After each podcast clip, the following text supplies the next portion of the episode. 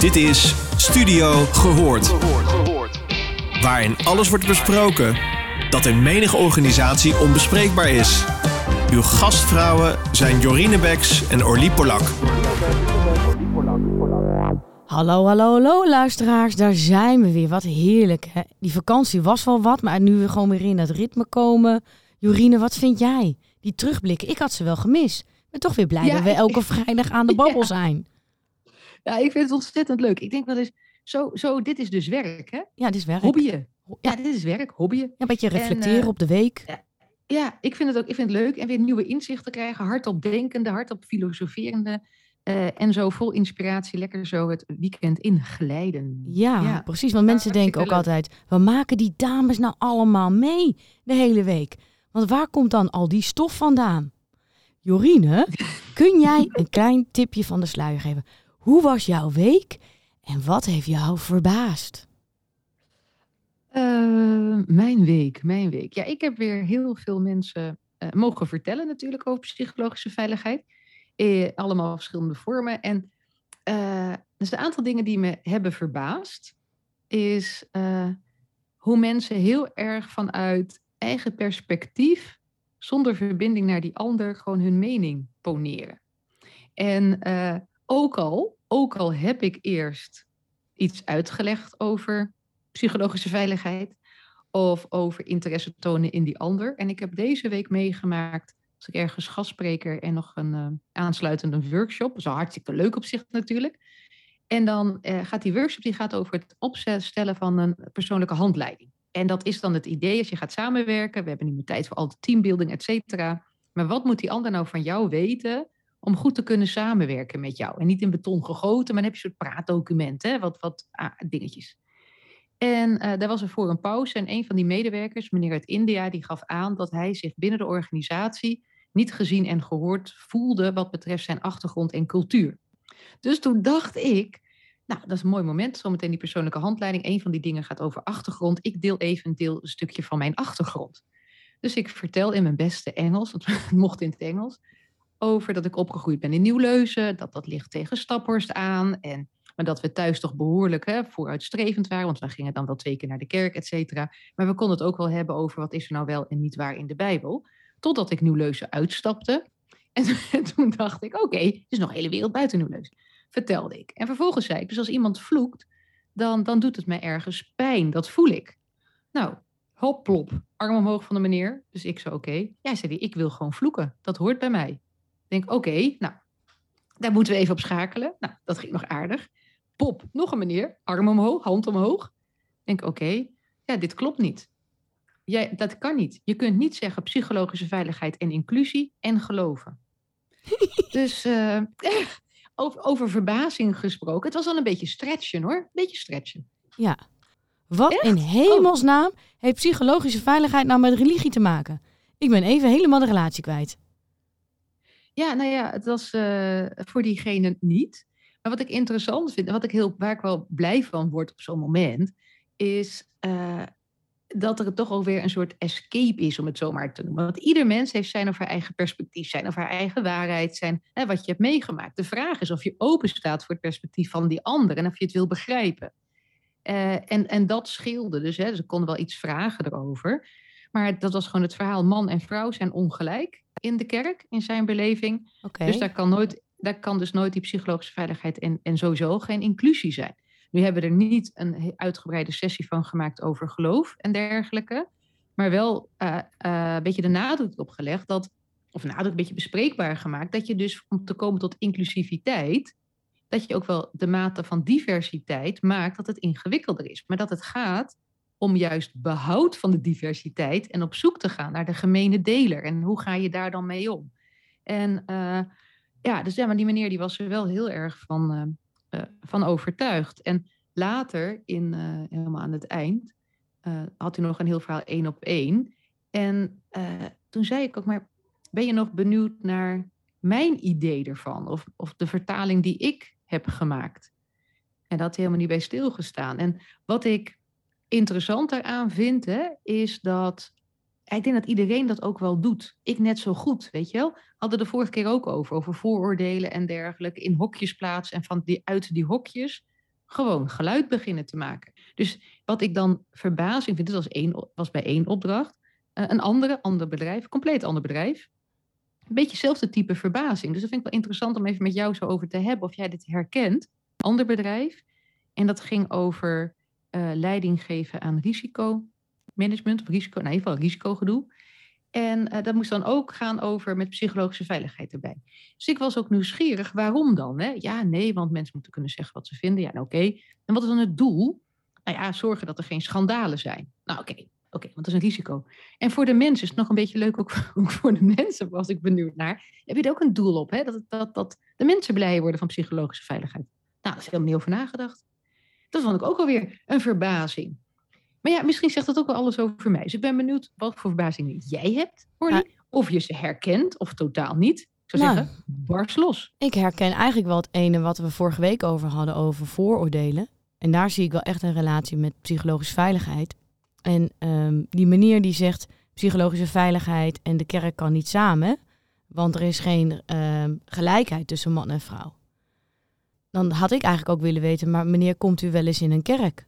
Of uh, komt u wel eens bij andere geloofsdiensten?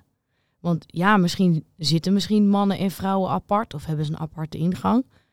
Maar is er dan ook geen sprake van gelijkwaardigheid? Want volgens mij gaat het bij psychologische veiligheid niet om gelijk zijn, juist helemaal niet, maar om gelijkwaardig zijn.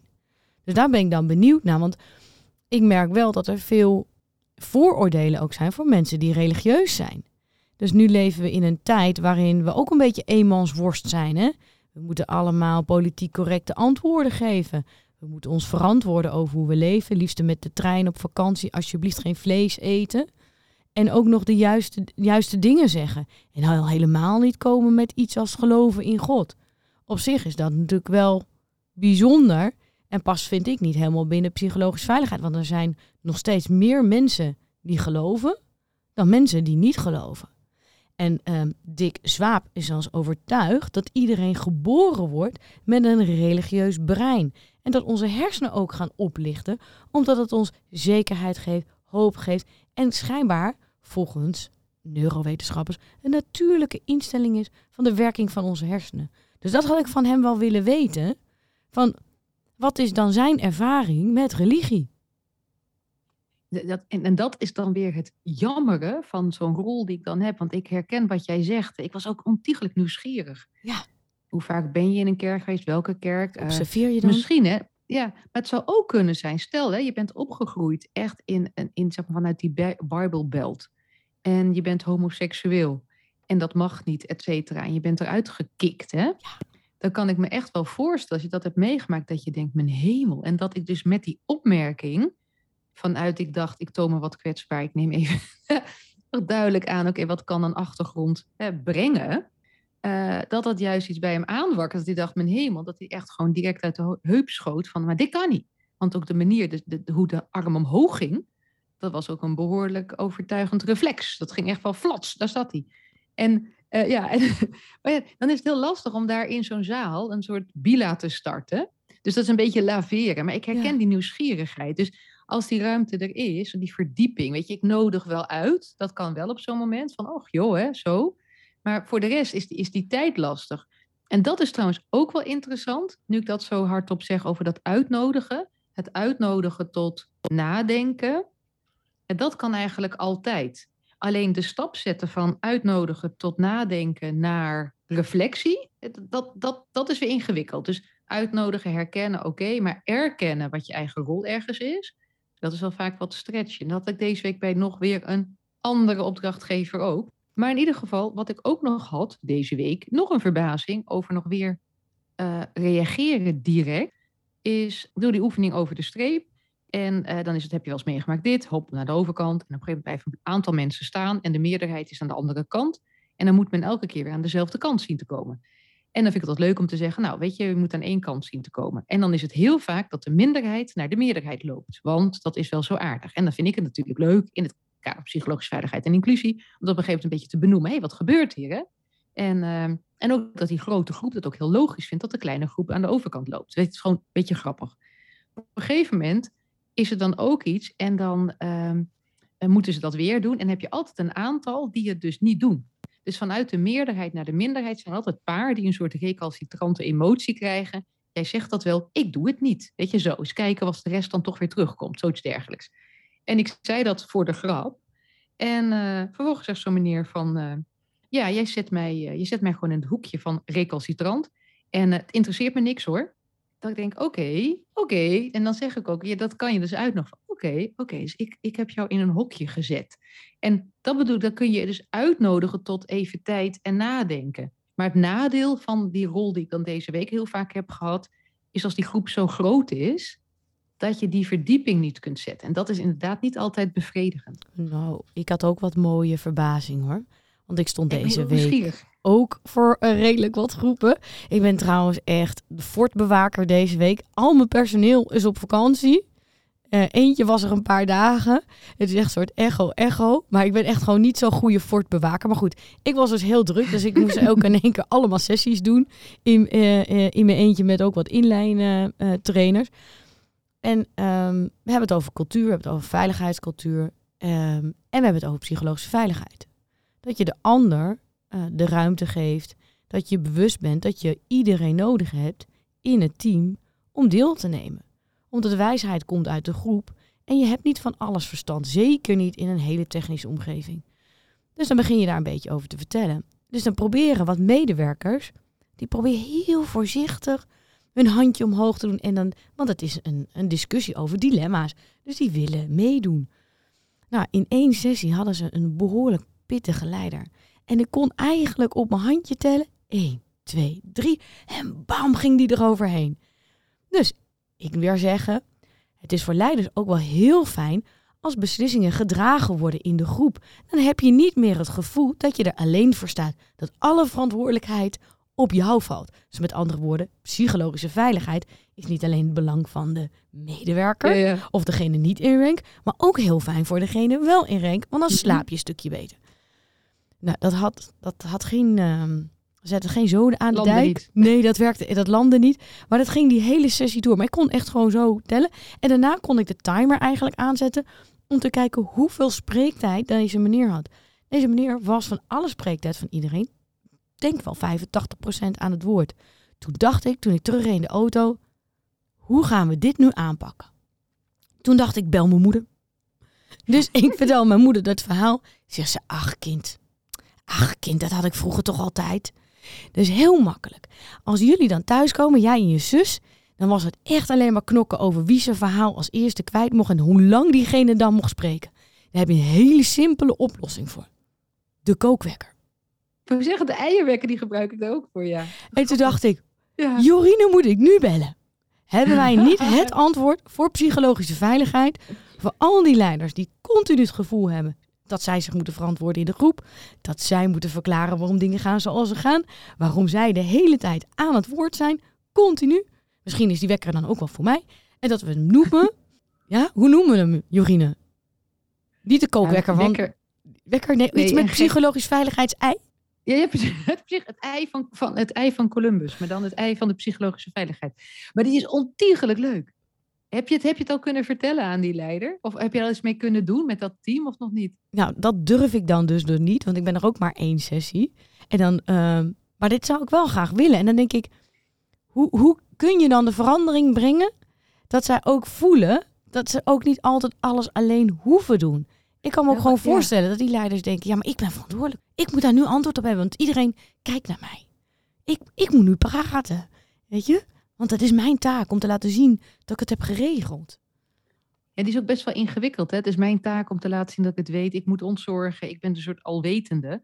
En hoe harder je dan gaat werken, hoe minder natuurlijk die ander ook de ruimte neemt. Hè? Dat is natuurlijk altijd geven en nemen. Want dat is ook wel interessant, hoe dat die meneer zoveel praat. Dat is een meneer trouwens, vul het wel in. Ja, dat vul je wel in. Het was toevallig een meneer. Ja. Maar dat kan toevallig zijn, hè? het, zegt, het zegt helemaal niks. Vrouwen kunnen het ook. Maar in ieder geval, doordat die leidinggevende in het algemeen, man, vrouw, wat dan ook, heel veel praat, kunnen die ander niks zeggen. Maar andersom, vergis je niet, doordat de rest niks zegt, kan zo'n leidinggevende heel veel zeggen. Dus wat ik altijd wel interessant vind, om daarin ook inderdaad dat uitnodigen en uitspreken, het erkennen ook van je eigen rol in dat patroon, in plaats van als een Calimero te zeggen, ja, kan ik zeggen, want die leidinggevende praat de hele tijd. Dus een beetje als Calimero, dop van je kop, wat heb jij nodig om iets te zeggen? Die eierwekker uh, is ontiegelijk leuk. En wat ik ook wel eens doe, uh, en ook eigenlijk wat jij ook hebt gedaan, een soort bewustwording uitnodigen tot reflecties, dat ik zeg, hé hey, wacht, hoeveel, uh, hoeveel minuten of hoeveel tijd is deze meeting eigenlijk? Ja, bijvoorbeeld, weet ik wat, 60 minuten. Oké, met hoeveel mensen zitten we hier? Ja, nou, met 12. Dus hoeveel minuten heeft een ieder spreektijd? En dan begint het wel. Oké, dus dat betekent als jij meer dan vijf minuten praat, dat je de spreektijd afpakt van een ander. Oh. Nu kan het zijn dat die ander helemaal niks wil zeggen, hè? Weet je, en een beetje humor, maar toch die bewustwording. Dus wat jij zegt, is dat inderdaad die positieve bijdrage? Is dat, en, en hoe ga je ermee om? En, en dat kan ook helpen als ik dan reflecteer met een leidinggever of verder oppak, dat ik zeg, goh, hoe gaat dat eigenlijk? Nou, en dan is die kookwerker, die kan ook heel leuk zijn bij klagen. Heb jij oh. ook wel eens van die teams die dan die blijven hangen in de droef toeteritis, in het vroeger, in de ellende en dat het niet gaat werken. En elke keer dat je dan in mijn hemeltje, daar gaan we weer. En dan is de ene kant denk ik dan, het is nog nodig, hè? misschien heeft het een functie nog. Nou, dat vraag je dan aan zo'n team. En vervolgens kan het ook zijn dat je zegt, nou weet je, we gaan uh, voordat de meeting begint, mag iedereen één minuut klagen. Of we gaan met z'n allen vijf minuten uh, alles eruit gooien. En dan gaan we weer terug naar het hier en nu. En waar willen we naartoe? Ja, dat kan ook zo'n ding ook helpen. Ja, dan, ik ook werken, maar dan kan je ook gewoon een muur bouwen. Die bestaat ook. Dan kan je allemaal briefjes in stoppen. ja, je, zo, zo, je hebt zo'n muur. Maar is toch klaagmuur. Kla eh, klaag, hoe heette dat ding ook weer precies? Nee, gewoon de klaagmuur. Heb je wat klagen, ga je naar de klaagmuur.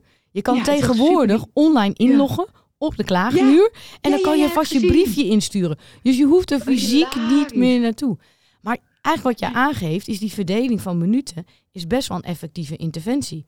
Dus als mensen vastlopen, dat je gewoon zegt, we gaan de minuten verdelen en je pak je mobiele telefoon erbij. En jij doet je timer, aan.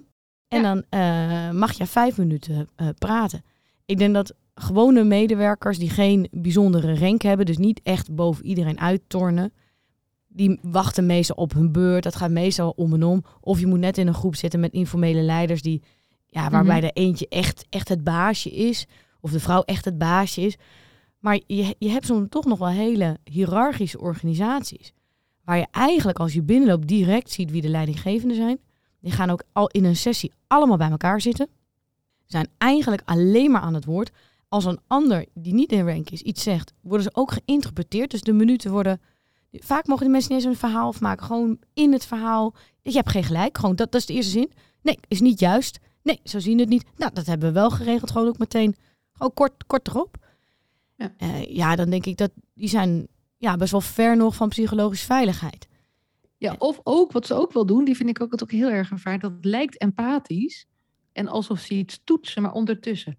Uh, begrijp ik uh, goed dat je de interne nieuwsbrief hebt gemist? Of, weet je? En dat lijkt dan, weet je, dat, dat vind ik ook zo sneaky. Zo aan de ene kant zo, hè, maar ondertussen. Dus ook, hè, van qua, qua ja, wat voor type aanval of wat voor tactieken er wel niet worden ingezet op zo'n manier. Waardoor je nog meer denkt, als je bedenkt over psychologische onveiligheid, dat je echt denkt, nou, ik ga helemaal niks meer zeggen. Ja, ik denk dat het nog niet voor heel veel mensen uh, bekend is wat het oplevert. Het levert voor medewerkers wat op dat ze zich gehoord voelen, dat ze bij kunnen dragen. Maar het levert voor uh, mensen in rank ook heel veel op.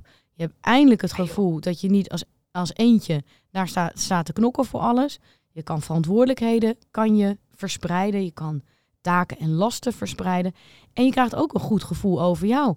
Want het wil helemaal niet zeggen dat als jij iets in de groep gooit, dat de groep het niet met je eens is. Dat hoeft helemaal niet. Nee, ja, nee, het is ook wel grappig inderdaad. Wat je zegt, natuurlijk veel meer ideeën, maar ook veel meer positieve sfeer. Hè? Dus ook wel positiviteit. Maar wat het ook is, het wil helemaal niet zeggen dat als jij in de groep de grootste mond hebt en hebt bepaald hoe het moet, en dat je denkt dat iedereen ja knikt, dat ze het gaan doen, dat ze het gaan doen. En vervolgens gaan ze het niet doen. En dan is zo'n leidinggever verbaasd. Zegt, ja, ze doen het niet, we hebben het afgesproken, afspraak is afspraak en ze doen het niet. En dat is altijd wel interessant om te begrijpen, en dat nodig ik dan toe uit, van, Maar waarom doen ze het niet? Misschien omdat ze in het moment wel dachten dat ze het wilden, gezien de inspirerende manier hoe je het hebt gebracht.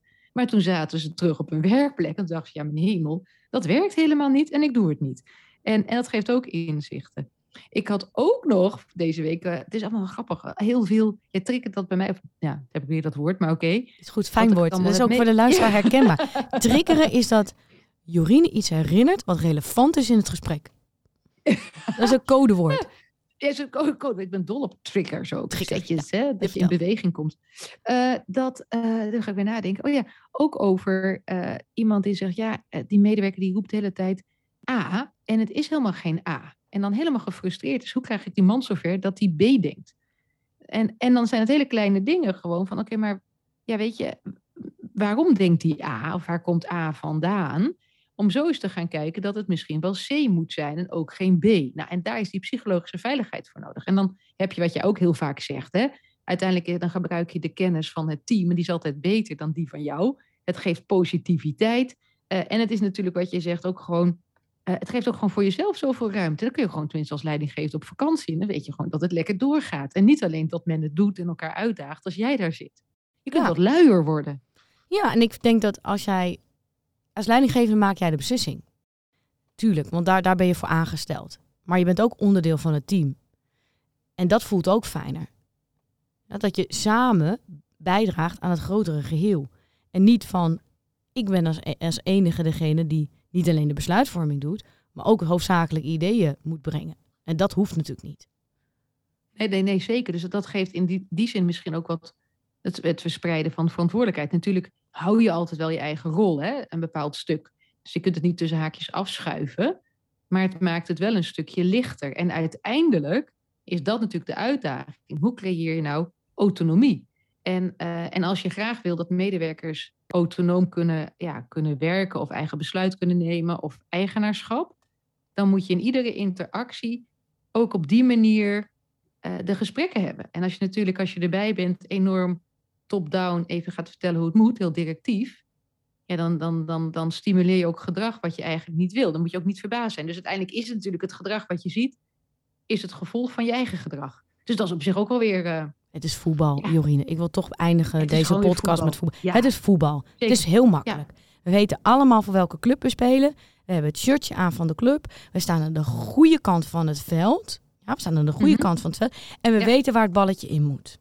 Ja, we hebben mensen mee die juichen voor ons als we het goed doen. En als we het niet goed doen, jaagt iemand anders. Dat is niet zo fijn, maar dat gebeurt toch. En dat gaat ook heel goed samen. Ja, er is een captain, maar je hebt samen hetzelfde doel. Dat is namelijk het balletje. Ja. moet in het doel van de andere partij. En je hebt samen nagedacht over hoe je dat doel gaat bereiken. Je bent strategisch, tactisch. En vervolgens doe je het, want daar hou ik erg van, met creatief totaalvoetbal. Waarin iedereen een volwaardige, volledige, evenwaardige rol speelt. En tegenwoordig ook een beetje rolfluiditeit, want we hebben geen vaste posities meer. Nee, het is gewoon voetbal. Rolfluiditeit. Ja, het is inderdaad voetbal. Laten we gewoon meer voetballen met elkaar. Meer dat samenspelen, voetballen in organisaties. Ik vind het geweldig klinken. Ga je nog wat leuks doen van het weekend? Um, ja, wat ga ik doen dit weekend? Ik ga natuurlijk eten met vrienden. Oh, en ik heb uh, een dame bij mij in de vriendenclub die 50 wordt, maar dat zeggen we niet. Het wordt 39, waar we natuurlijk gaan vieren. Klinkt goed zeg. Ja. Leuk, hartstikke leuk. En jij? Ik, uh, ja, nou, ik ga me een beetje voorbereiden, want ik heb... Uh, Poepie poepie Maandag is Amy Edmondson live Yay. in Nederland bij het Future Focus Leadership Event van Denkproducties. En ik vind het echt hartstikke leuk van Hans Jansen van Denkproducties. Dat er is een side event en dan gaat zij haar nieuwe boek over fouten maken uh, toelichten. En daarna is er een Q&A en zit ik met haar in het panel. Nou, dat is nog eens leuk. Gaat ze een t-shirt van je signeren? Ja, of, ja, een, of, of, een capje? Of ja. gewoon iets, nee. gewoon iets? Gewoon, gewoon iets. Nee, ik neem gewoon een heleboel mee. Ik neem gewoon een hele tas mee met alle mogelijke gadgets. Ja. Dat en... ik elke keer toevallig een gadget bij me heb met de handtekening van Amy Evans. Ja, precies. En uh, kan ze niet het, het voorwoord schrijven van ons boek? Oh, natuurlijk. Dat, dat, dat, anders dan schrijven wij het en dan vragen wij of, of ze het goedkeurt. En hebben we een voorwoord. Dat doen wel meer mensen zo. Oh, oh dat wist ik niet. nou, ik vind het wel heel psychologisch veilig dat je dat zo eerlijk en transparant hier gewoon even deelt. hey, fijne weekend. Doeg! Je luisterde naar Studio Gehoord. Vond je dit een leuke podcast? Laat dan een review achter bij jouw favoriete podcastplatform. Tot de volgende!